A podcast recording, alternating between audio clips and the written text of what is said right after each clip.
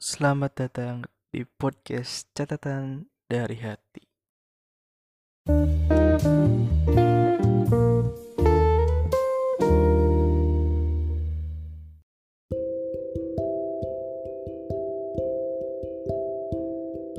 Hai semuanya, kali ini podcast Kura-Kura Imaji berganti nama menjadi podcast Catatan dari Hati.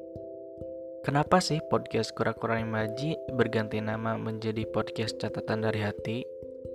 Karena hal yang utama adalah kata-kata kura-kura imaji tidak sesuai atau tidak sinkron dengan isi dan makna makna di dalam setiap episodenya. Dan masih banyak lagi sih sebenarnya.